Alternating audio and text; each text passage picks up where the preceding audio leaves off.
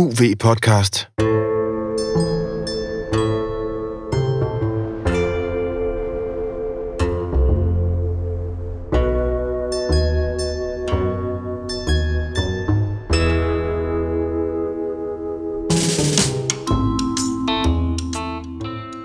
Velkommen til Universitetets podcast om undervandsjagt, fridykning og snorkling.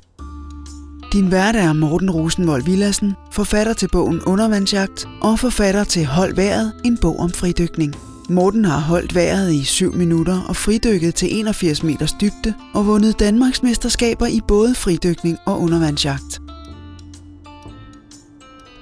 God fornøjelse.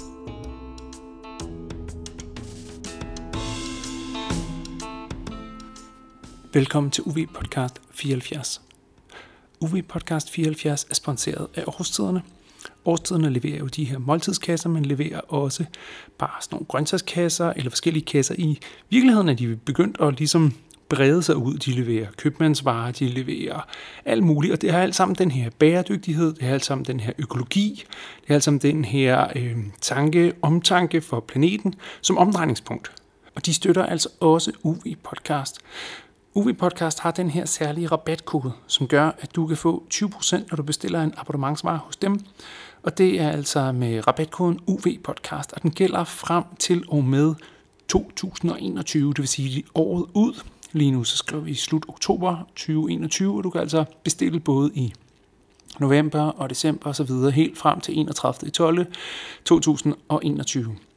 Så tusind tak til årstiderne, og tak til alle dem, der har støttet årstiderne via UV Podcast. Og de er altså sponsorer her, UV Podcast 74. Og UV Podcast 74 handler om, sådan får du mere ud af dit molefiskeri.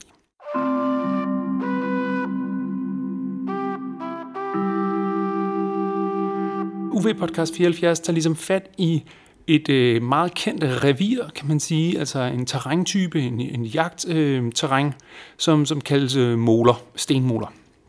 Man kan sige, det er lidt fjollet, at øh, danske undervandsjæger, de ligger inde på øh, stenmoler øh, op ad havne og så videre undervandsjæger, men det er altså fordi, at stenene er der, altså det er ligesom, man, øh, når man spørger en bankrøver, hvorfor røver du banken? Jamen, det er fordi, det er der, de har pengene. Det har de så ikke i dag, altså, man kan sige. Det var, men altså, det havde de i gamle dage. Ikke? Det var der, de havde pengene, og det er derfor, at bankrøverne røver banken. Det er jo ikke, fordi han har lyst til at røve banken.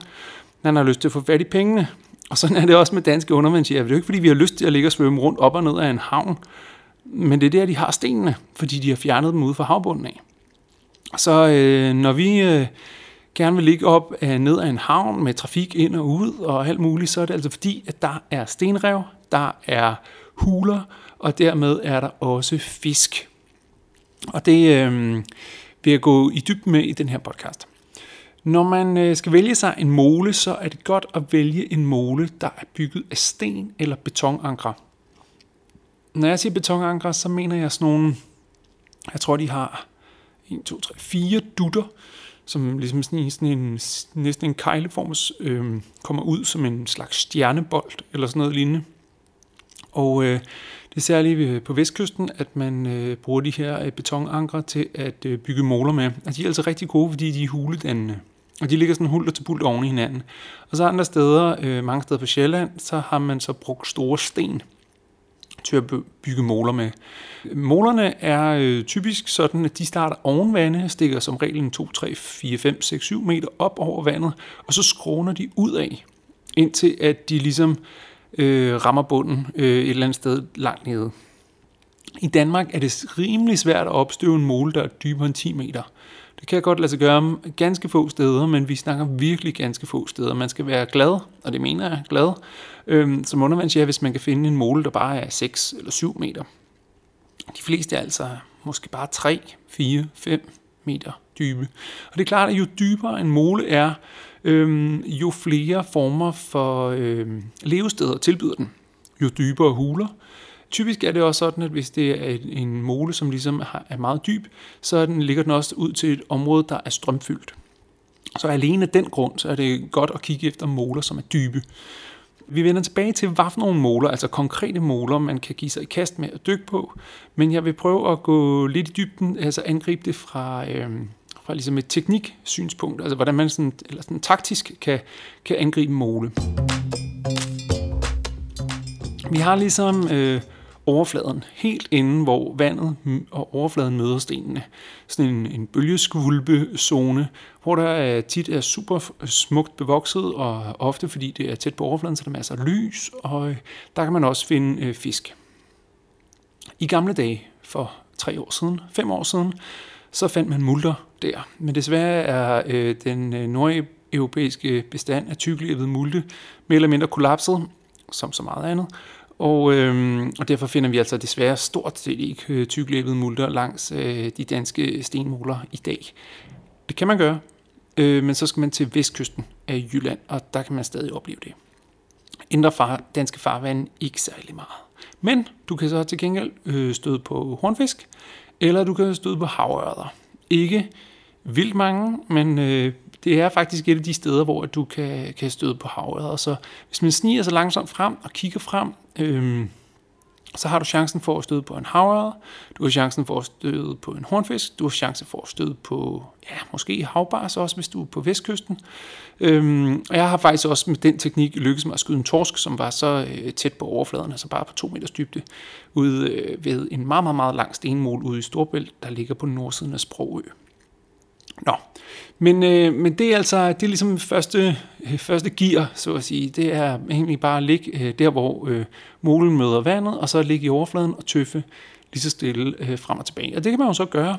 Øhm, og det er ligesom sådan step 1. Næste er ligesom at dykke ned på par en meter, halvanden, to meters dybde, og så øh, ligge og kigge frem, eller ligge og kigge til siden. Og der øh, dykker du ned og tager fat i en sten, enten tage fat i øh, med en arm under stenen, eller tage fat i noget, øh, noget godt tang, du kan holde dig fast med. Du skal ligesom ligge, så du ligesom er i skjul for fiskene, sådan at det kun er lige dit hoved og din harpun, der stikker frem, og resten af kroppen skal helst være i skjul, og særligt finnerne er vigtige at få ned, og det er her et, et af de ganske få øh, tilfælde, hvor jeg synes, det kan være en fordel at bruge ankelbly.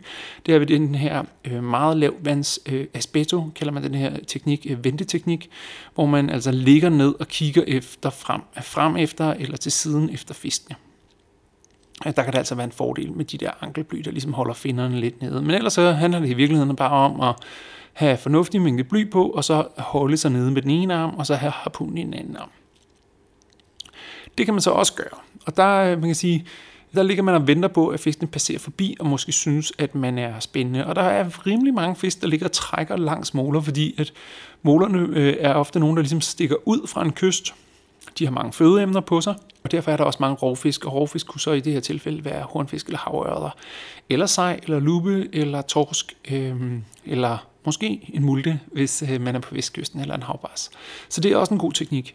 Øhm, altså være på en, et par meters dybde, en, to, måske endda tre meters dybde, og ligge og kigge frem, eller ligge og kigge til siden, mens man ligger stille. Så kan man trække sig langsomt frem, det kaldes så aguato, eller det snigende gulvtæppe, man trækker sig langs målen fremad, og det er igen de samme fisk, vi ligesom har gang i. Nu begynder der så at komme lidt dybde på. Man kan sige, allerede nu kan vi have svømmet, lad os sige, det er en mål, der er 100-200 meter lang, så kan vi have svømmet den ene vej, først i overfladen, så den anden vej, mens vi ligger og dykker lidt, og så øh, går vi videre ned til bunden, altså dernede, hvor stenene møder sandet. Torsk er jo en øh, hulefisk, der trækker rundt langs bunden, det man kalder en demersalfisk, og den, øh, den går så rundt langs bunden, og så ser den så en havnemole, øh, der hvor stenene møder sandet, ned, nede på en 5, 6, 8 meter, eller hvad det nu skal være. Og så svømmer den ind i hulerne. Og den er så inde i molen, og molen kan jo så være som svejtsost, og labyrinter, og huller, og gange, og sten, og alt muligt sprækker. Øhm, men, men, men torsken svømmer ligesom ind langs bunden, og det vil sige, at ofte så vil man se flest torsk dernede, hvor øh, der bliver skabt huler ved bunden, fordi det er der, at fiskene ligesom går ind og ud. Mm, du kan også være heldig at støde på dem længere oppe i molen, men det er stadig ofte, lad os sige, inde under målen, altså ud inde i hulerne, altså inde over, øh, hvad hedder sådan noget, ligesom et buskur, et, et overhæng, ikke? altså at man ligesom kigger ind under noget, og der står så en torsk. Øh, andre ting, der kan gemme sig inde i sådan nogle huler, det kan være luber, som også er en torskefisk, eller det kan være taskekrabber eller hummer, hvis man er på vestkysten eller i Nordjylland, eller andre steder, hvor der også er hummer. Øhm, det kunne være Aarhusmålerne. Det, det er så en fangst, man ligesom kan gøre sig inde i hulerne. Der skal du have en lygte med. Og, og på det her tidspunkt, der skal man ligesom forstå, at når du har svømmet frem og tilbage langs molen, og du har ligget dykket ned, og så videre, så har du måske fisket molen tør, kan vi sige, for de fisk, der nu engang var der. Men så snart du så begynder at kigge ind i hulerne, så starter du ligesom forfra, så ligesom en ny verden.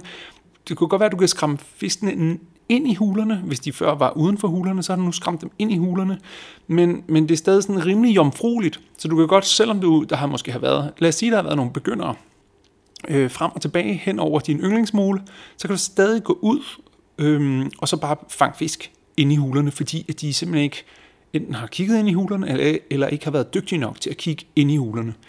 Øh, jeg oplevede det for nylig øh, ved Helsingør Nordmål, hvor at jeg var ude med en kursist, og så var det sjovt nok en tidligere kursist, som jeg så mødte derude. Han har så ligget og dykket i et område, og øh, efter han så forlod det område, så dykkede jeg i området og skød øh, to torsk, en på 1 kilo, en på 3 kilo. Så man kan sige, selvom han havde ligget og dykket i området, så, øh, så, så, så kan man stadig fange fisk der. Altså sådan er det med de der huler, fordi når de bliver skræmt ind i hulerne, så står de som regel stille ind i hulerne. Så medmindre man er meget klodset, eller, eller det er bare en meget sky fisk den dag, så øh, står torsken, og nu er det torsk, vi snakker om inde i hulerne, så står de altså øh, inde i hulerne og bliver stående. Så hvis du har en lygte, og du har sådan nogenlunde til at finde din harpun frem, efter du har fået øje på en torsk, så er der en rimelig stor chance for, at du får den skudt, og så bagefter kan hive den øh, ud af hulen ganske forsigtigt. Nå, nu er vi jo øh, i gang med at skyde fisken, kan man sige, så lad os snakke lidt om det. Så når du jager på en, øh, en måle, så kan det være en god idé at have et hjul på din harpun. Øhm, det er ikke strengt nødvendigt, men det kan være en god idé. Og det handler om, at hvis du skyder en øh, fisk inde i en, en hule, så øh, svømmer fisken måske længere ind i hulen, og øh, dit spyd kan meget let sætte sig fast på tværs af sådan en huleindgang. Og så, øh, så kan du slippe din harpun og svømme i overfladen, men øh, du kan i stedet også øh, udløse dit hjul og øh, svømme i overfladen, så har du stadig harpunen i hånden og kan følge linen ned til dit spyd og måske i næste dyk øh, hive torsken ud. Jeg vil sige, det er meget sjældent, at du skyder en torsk, og den går ind i en hule, og så den trækker hele øh, spydet og hele linen og hele harpunen med ind i hulen. Altså det er virkelig, øh, det, kan, det har jeg, kan jeg ikke huske, at jeg har hørt om. Så der er sådan en rimelig stor chance for, at du bare kan dykke ned og fiske din harpun igen, selvom du har sluppet den. Også selvom der er 5 eller 8 eller 10 meter dybt.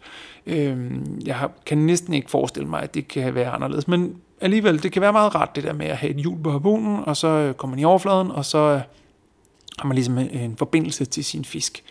Øhm, øh, det, det, det, det er i hvert fald en mulighed, som, som giver mening. Jul giver ikke, i min verden ikke så meget mening øh, øh i, i Danmark, men det kan give mening, øh, hvis man jager havørder, eller hvis man jager torsk på vrag eller i huler. Så øh, det, det er det. Og så, man, man kan sige omkring lygter, så er det vigtigt, at du har, nu vi snakker udstyr, så er det vigtigt, at du har en lygte, der kan lyse en hule op, men det behøver altså ikke lyse hele natten op, så at sige. Så en lille lygte med en kraftig, fokuseret kejle, øh, er det, jeg bruger. Jeg bruger nogen fra Ogre Torch fra Kingfish, som jeg er rigtig glad for. Øh, jeg tror, den hedder D530. De har lavet forskellige versioner, som øh, fælles for dem er, at de er relativt små og meget kraftige og meget simple at betjene, og så har de et øh, batteri, som man kan lade op med et USB-stik. Det synes jeg er super lækkert. Så øh, dem bruger jeg meget. Øh, og, øh, og dem kan man altid lige have med og hænge på bøjen osv. Så, videre, så, videre. så øh, anbefaling herfra til Orgetorch øh, små hulelygter, de er, de er super gode. Nå, hvad hedder det? Nu er vi begyndt at skyde fisken ind i hulerne. Når du begynder at dykke ind i hulerne, så kan man sige, så vil jeg starte nedefra. Så vil jeg starte med at kigge ind i hulerne langs bunden af øh, af molen. Og der kan du så kigge ind i alle hulerne der, og så kan du ligesom gå op på første sal. Altså, vi forestiller os, at bunden der, hvor øh, sandbunden møder stenene, helt nede på en 6, 7, 8, 10 meter på bunden af molen, det er ligesom stueetagen. Så kan du simpelthen gå op på første sal, og så kigge hele den række, der er der, og så anden sal, og så videre. Når du når op til en måske 2-3 meters dybde, så giver det ikke så meget mening mere at kigge øh, i huler længere, medmindre du er øh, på vestkysten og jager luber og havbars på de vestkyste øh, moler, eller i Skagen, hvor du også kan støde på dem. Så øh, Nord- eller Vestjylland, der kan det også godt give mening at kigge øh, i huler helt op øh, i toppen af, af pyramiden, så at sige. Nå, og så er der jo så også den del af molerne, som egentlig bare er der, hvor stenene møder sandet. Og der kan du altså finde fladfisk. Det er et ganske udmærket for fladfisk at lægge sig lige der på kanten mellem sandet og de store sten, og der kan man altså også øh, snuppe sig en masse fladfisk. Øh, det er ikke så tit, jeg har stødt på pigvar eller sletvar eller tunger de steder. Det er sket, men det er ikke så tit. Øhm, men det er ganske ofte, at jeg støder på skrubber der, og en sjældent gang også øh, rødspætter og måske endda ising øhm, sådan nogle steder. Så det er, øh, molerne er virkelig et alsidigt sted, man kan jage. Du kan stort set fange alle arter øh, på molerne men det kræver en del teknik, og, øh, og man kan sige, jeg, jeg synes, det giver mening at starte, som jeg beskrev det med, at man starter i overfladen, går lidt dybere, og så til sidst, når man ligesom er nået ned til en 3, 3 meters dybde eller sådan noget, altså man så, så går man helt ned til bunden, og så affisker man nedefra og op, indtil man så når det niveau. Og så kan du altså øh, nå, hvis vi har en måle, der er 100-200 meter lang, så kan du altså bruge rigtig, rigtig, rigtig mange timer på at øh, affiske øh, sådan et, øh, et område. Jeg kan måske også lige sige, at i overfladen, der hvor at øh, kampestenene møder øh, bølgerne, der, det er sådan et klassisk sted øh, at kigge efter Stillehavs øh, østers. Så øh, altså på en 0 til 1,5 meters dybde, øh, på store sten under øh, blæretangen, øh, op af sådan fast klinet op af stenen. Man skal lige lære at se dem, så øh, der er altså ganske mange stillehavsøsters i snart hele Danmark, vil jeg sige. Altså, der er næsten ikke nogen steder, der går fri efterhånden. Og det er jo en invasiv art, men altså, så jeg ved ikke helt nok om det i forhold til, om den... Altså, det er helt klart, at nogle steder synes man, den har en negativ påvirkning i forhold til øh, blåmuslinger osv., Øhm, men øh, jeg, jeg tror, vi må lave en selvstændig podcast om, hvorvidt vi ligesom øh, bedømmer øh, Stillehavsøsteren et gode eller ikke et gode. Det er i hvert fald et kulinarisk gode for rigtig mange mennesker, og jeg holder selv også meget af at øh, plukke dem. Så øh, for, for mig helt personligt, der, øh, der er jeg pro øh, Stillehavsøsters, men øh, det kan være, at økosystemet brokker sig, og dermed også mig senere hen, når, jeg, øh, går, når det går op for mig, hvad, hvad det er, vi har med at gøre. Men det må vi tage en anden podcast, øh, når jeg har Johan med ombord blåmuslinger er også et, en, en art, som man kan plukke på øh, stenmålerne. Og det, og det gode ved at plukke blommuslinger på stenmåler, det er, at så plukker du dem ligesom op i vandet, og derfor er der ikke sand i dem. Et stort pro- problem med hjertemuslinger især, men også blommuslinger, er jo, at der ofte er meget sand i dem, og man skal bruge meget energi på at få sandet ud af dem, og det lykkes aldrig helt. Men når man øh, plukker dem på en mole, så øh, plukker man dem oppe i vandsøjlen, og altså væk fra sandet, og derfor har de stort set ikke sandkorn i sig, og er derved også super lækre. Man skal så dog være opmærksom på, at hvis det er i nærheden af en havn, eller spildevand, eller et eller andet menneskelig forfærdelig aktivitet, så kan muslingerne være en rigtig dårlig idé at spise. Det skal man lige have styr på, inden at man øh, knuffer i sig. Der er krabber og fisk og sådan noget mere tilgivende, fordi de ikke filtrerer vandet på, på samme måde. Så er vi nået til, øh, hvilke moler øh, skal man dykke på. Og der er virkelig, virkelig, virkelig mange gode moler i Danmark, for vi har virkelig mange gode havne. Og, øh, og det er jo sådan lidt øh, tvæ, øh, altså om man skal glæde sig over det eller hvad, fordi vi ved jo, at de der sten, de er altså hentet ude fra de stenrev, som engang lå ud over det hele, hele på havbunden i hele Danmark. Nu ligger de altså som havnemåler, halvdelen af dem ligger oven vande, stablet i store dynger tæt op af meget menneskelige aktiviteter. Det er jo altså på ingen måde optimalt, men, øh, men det er sådan Danmark øh, 2021 er, så øh, det er selvfølgelig her, vi dykker. Og øh, vi har rigtig mange øh, havne, så lad mig øh, bare starte fra en ende af. Jeg har dykket ved øh, gode øh, stenmåler øh, ved eksempelvis Køgehavn, øh, og jeg ved, der er noget udvidelse af havnen dernede. Jeg har ikke dykket på den her på det seneste, øh, de seneste år, men jeg ved, der bliver fortsat fanget både havret og arbor der. Hvis man går længere op nordpå øh, langs den øh, sjællandske kyst, så øh, hele Københavnsområdet er jo fyldt af måler, og der er både sej og ørred og makrel og multer og Torsk har jeg også fanget, og øh, arbor og alt muligt. Gede har min bror endda set ved Kastrup og sådan Altså, der er virkelig meget ved de københavnske måler. Det er øh, vildt gode steder at undervandsjage. Øh, og så er det lidt mere, om man må undervandsjage alle steder, om man må være i vandet der og der, og øh, der skal man lige øh, tjekke øh, områderne grundigt igennem, inden man kaster sig i vandet, og man skal lade være med at spise arborerne inden for havnen, de er simpelthen forgiftet af kviksøl øhm, og de kan blive meget gamle, så, så sådan en halvanden kilo abort, den er måske 30 år på banen, eller sådan et eller andet. I hvert fald mange år, og har oprobet en masse dumme tungmetaller fra fortidens sønder i Københavns industri. Øhm, hvis man går længere øh, nord, så har vi alle Øresundshavne. De er stort set øh, alle sammen gode undervandsjage på. Øh, Skovs Hoved øh, havn har sådan en fritliggende mole, som øh, er populær, hvor der er lidt torskengang imellem. Øh, og øh, områderne omkring havnene er som regel også rigtig gode øh, på hele, hele Øresundskysten. Desværre er de ikke så dybe, altså vi snakker sådan noget 5, 5 mm, måske endda 6 meter som, som det dybeste. Så når vi op til øh, Helsingør, og øh, der har vi Helsingør øh, Nordhavn, og vi har Kronborg og så videre. Og øh, Helsingør Nordhavn har en dybde på lige knap 10 meter, sådan et rigtig godt sted til, at man kan træne rigtig mange ting. Og der er også mange typer af fisk, øh, hornfisk især i sæsonen, og torsk og ting og sager. Men Jeg har nu aldrig stødt på multer eller ører der, men derfor kan de jo selvfølgelig sagtens være der. Sildestimer har jeg også set. Og, øh, tit, jeg ser torskefisk der, og lubesej og, og torsk. Øh, langs hele nordkysten af Sjælland, der er ikke så vanvittigt gode moler. Der er på udmærket høfter, hist og pist, men de bliver aldrig dybe. Og det kan være nogle udmærkede steder at kigge lidt efter ørder eller multer, hvis man er heldig. Øh, så øh, er der noget omkring Kyngbyværket i Isefjorden. Der er også en udmærket mole, meget stor mole. Der kan man øh, være heldig at finde små torsk. Og, øh, og også andre frisvømmende fisk. Øh, multer i gamle dage og lidt havørder selvfølgelig også. Øh, hvis vi nu går helt om til Ja, for derudover ved Røstnes, der er også, Røstnes Havn er også et gammelt sted til multer, men øh, måske stod man på en havre øh, nu til dags, den er ikke så dyb desværre. Øh, ned øh, sydover, der når vi i hvert fald ned til Korsør. Og øh, det var et rigtig godt sted til torsk i gamle dage, og jeg tror stadig, man kan være heldig at fange en torsk, men det er ikke lige så godt, som det har været øh, ved Storbæltsbroen. Og man kan sige, at Storbæltsbroen i sig selv er jo også øh, en omgang måleværk, i hvert fald de der øh, bropiller der, der er noget, der minder om molefiskeriet, øh, der ligger der ud af. Men det har heller ikke været så godt de sidste par år. Sprogø til gengæld har været ganske udmærket i, øh, af flere omgange. Jeg ved ikke, øh, hvad den seneste status er, men det er i hvert fald en meget, meget, meget lang mole, som har en historik for, øh, for øh, torskefiskeri. Faktisk også multer og ørder. Så er der Nyborg, øhm, øh, og Nyborg har nogle rigtig gode moler. Det er et rigtig godt sted, der er fint til torsk. Øh, der kan man bare give sig i kast med det, og der er op til en 6 meters øh, penge. Og øh, der er også et vrag ind i havnen, og der er bropillerne derude. Det, øh, Nyborg er et super godt sted til øh, mange store sten og rigtig meget øh, områder. Så, øh, længere sydover fra Fyn er det ikke super godt målefiskeri. Så har vi Lillebælt selvfølgelig, hvor der er flere steder med sådan nogle boldværk og ting og sager, men det er heller ikke sådan nogle klassiske gode moler. Vi skal faktisk helt op til Aarhus for at finde nogle af de næste gode moler. Nu springer jeg lige Sønderjylland over. Jeg ved, at der er en lille smule histepist, men jeg kender det desværre ikke så godt.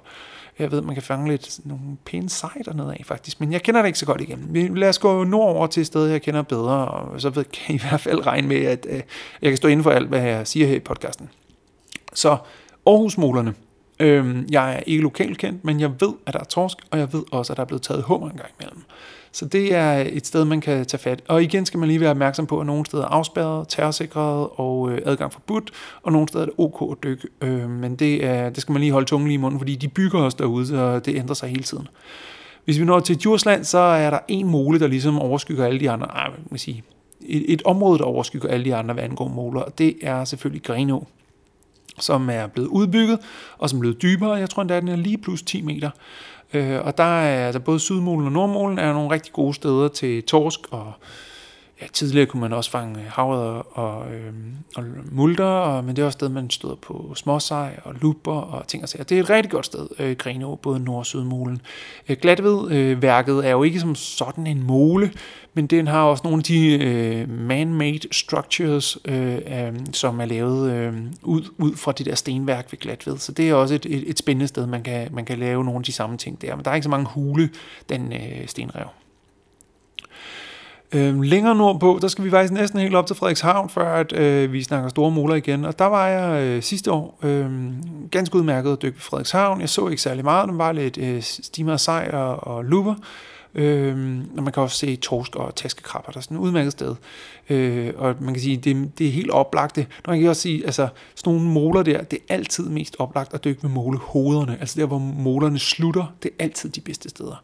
Så øh, hvis du ikke ved, hvor du skal hen, så, så start ind ved land og øh, slut ude ved målehovedet og brug mest tid ude ved målehovedet, der hvor at målen ligesom slutter. Det er bare det bedste sted som regel. Eller hjørnerne. Der kan også være hjørner, hist og pis, som er gode. Gerne de strømeksponerede dybe steder, som sagt. Nå, så går vi videre nordpå. Øh, der er også nogle sæby og sådan noget, men de er ikke rigtig dybe eller noget øh, sådan for alvor. Sådan. Men Skagen her længere nordpå, altså et ganske udmærket sted. Jeg har ikke dykket på det yderste af den sydlige mole, men den ser utrolig giftig ud. Jeg ved, at øh, tidligere var den rigtig god til luber og torsk ude på spidsen. Der er altså langt at svømme derud, men, øh, men det, er altså, det er altså værd at gå efter. Der er strøm og store sten og dybt og 14 meter, og ja, skal give dig skatter. Det er et vildt fedt sted. Nordmålen er også ny, og øh, der er også et målehoved, som så ikke er så eksponeret for strøm. Det peger ligesom lidt indad i havnen. Men der er dybt og spændende øh, langs hele molen op til en 6-8-10 meter og måske 12 meter det, der ved indsejlingen. Øh, der kan man sagtens fange fisk af forskellige slags. Jeg så flere torsk øh, og skrubber. Øh, så er der målerne op mod det grå fyr. Øh, der er sådan nogle øh, høfter og ting og sager. Der ligger også to undersøgske bunkers derude med, med lidt af hvert liv i og sådan noget. Sådan, ikke noget sådan helt vanvittigt, men ganske udmærket steder. Øh, dem kan jeg også anbefale. Så øh, Skagenområdet er rigtig spændende. Så kommer vi til Hirtals. Også fantastiske moler, både nord- og Sydmolen. Øhm, og der, øh, der kan man virkelig ramme dagen. Øh, jeg var der i år, uden at ramme dagen. men, øh, men øh, sådan er det jo altså også nogle gange. Øh, men jeg kender mange, der har fanget rigtig fint ved hirsalsmålerne, så skal man endelig ikke lade sig afskrække af, at jeg har ikke fanget noget her i sommer. Øhm, så længere sydover, så er der forskellige mindre moler, lygten og øh, forskellige ting, som jeg ikke kender så godt, men som heller ikke har så vanvittigt godt ry, men der skal det nok være en ok øh, fisk, og pist på dem.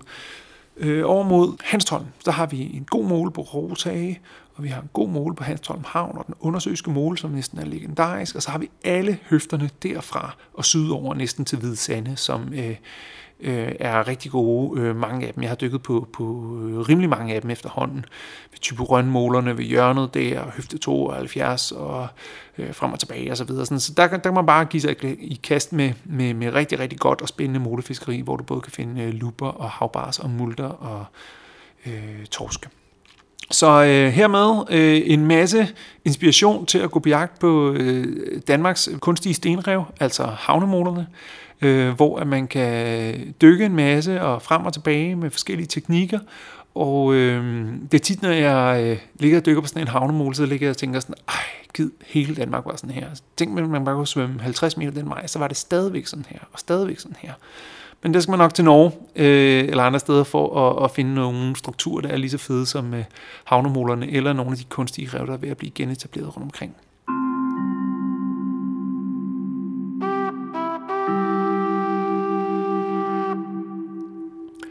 Du skal have tak, fordi øh, du lyttede med. og Jeg skal sige, at vi her på UV Podcast, der er vi selvfølgelig sponsoreret af årstiden. Det stopper dog nu her. Øhm, og øh, det er altid sådan lidt katten efter musen at, at finde nogle sponsorer, som vil arbejde sammen med os. Øhm, og det er ikke fordi, at at øh, vi behandler dem dårligt på nogen måde, men det er, øh, det er stadig nyt, det der med at sponsere i podcast. I hvert fald i Danmark, så, øh, så har du en idé til, til nogen, som vi kan benytte os af, så, øh, så send dem endelig vores vej. Øh, og hvis du tænker, øh, de skal slet ikke øh, sponsere sig et firma, I skal bare sponsere sig mig, så kan du gøre det, at vi har nemlig sådan en, en, en støtteordning, så at sige, inde på tier.dk, at du kan tilmelde dig derinde på ubpodcast.tier.dk, og så kan du indtaste et øh, valgfrit beløb, 5, 10, 15, 20 kroner, et eller andet, hvad du nu synes, at hvert afsnit er værd, så bliver det hævet hver gang, at vi udkommer med et nyt afsnit. Og så kommer du med i vores VIP Facebook-gruppe, hvor vi har sådan et pingpong frem og tilbage øh, med vores lyttere. Der er også ekstra materiale derinde efterhånden. Der er efterhånden en hel del. Øh, og alt det får du adgang til, når du ligesom bliver en af UV Podcast øh, støtter øh, VIP der. Du kan også bare øh, indtaste, øh, tage din telefon frem, og så tage MobilePay, og så bare lige sende en high five, en 50'er, eller en 10'er, eller hvad du nu har lyst til, til 27 21 90 43. Det er 27 21 90 43. Og når du gør det, så får du en sms øh, tilbage med et tak øh, fra mig, og øh, så bliver du lukket ind i den der VIP-Facebook-gruppe. Øh, og øh, men vi skal jo også sige mange tak til årstiderne for at have været med os så længe. Og øh, huske, at øh, alle jer lyttere derude, I kan benytte jer af årstidernes øh, rabatkode, eller UV Podcasts øh, rabatkode, der hedder UV Podcast, og som altså giver 20% på den første måltidskasse, som er på et abonnement. Øhm, men du kan bare sige dit abonnement op, hvis du ligesom synes, at det, det smagte ikke så godt, eller det var slet ikke så nemt, som jeg troede. Øhm, men det er nu ret nemt, og det smager nu ret godt, og jeg har efterhånden øh, modtaget det længe, og kan godt anbefale årstiderne herfra, øh, som, som bruger også, ikke kun på deres værdier, men øh, det er simpelthen god mad. Tusind tak, fordi du lyttede med til UV Podcast 74. Tak for nu.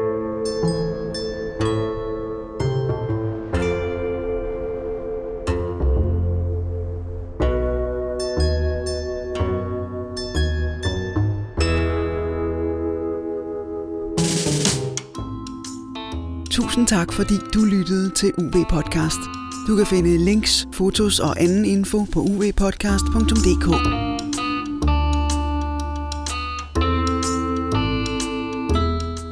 Og hvis du kunne lide, hvad du hørte, så del det endelig videre. UV Podcast.